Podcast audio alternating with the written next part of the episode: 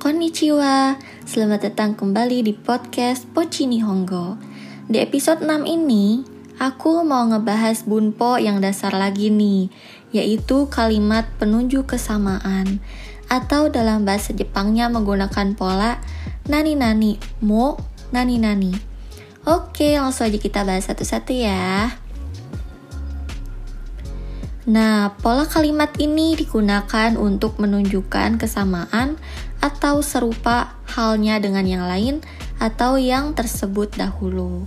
Kita ingat-ingat lagi ya, kalau polanya yaitu nani nani mo, nani nani. Yang berarti juga.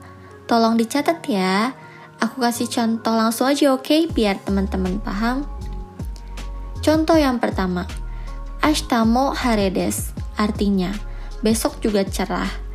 Ashta artinya besok, dilanjut dengan partikel mo yang berarti juga, dilanjut dengan hare yang berarti cerah, dan diakhiri dengan des.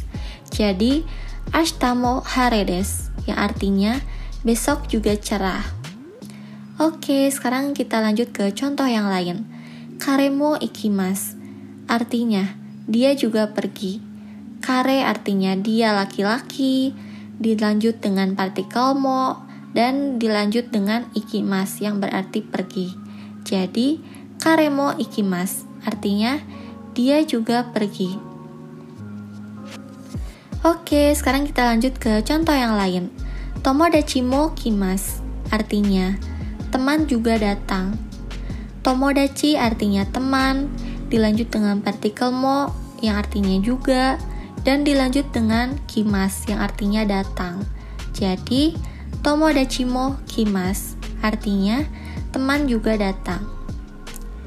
Oke, sekian. Semoga teman-teman udah lebih paham ya. Sekarang teman-teman coba buat 1 sampai 2 contoh kalimat dari pola kalimat di episode ini. Arigatou gozaimasu. Ja, matane.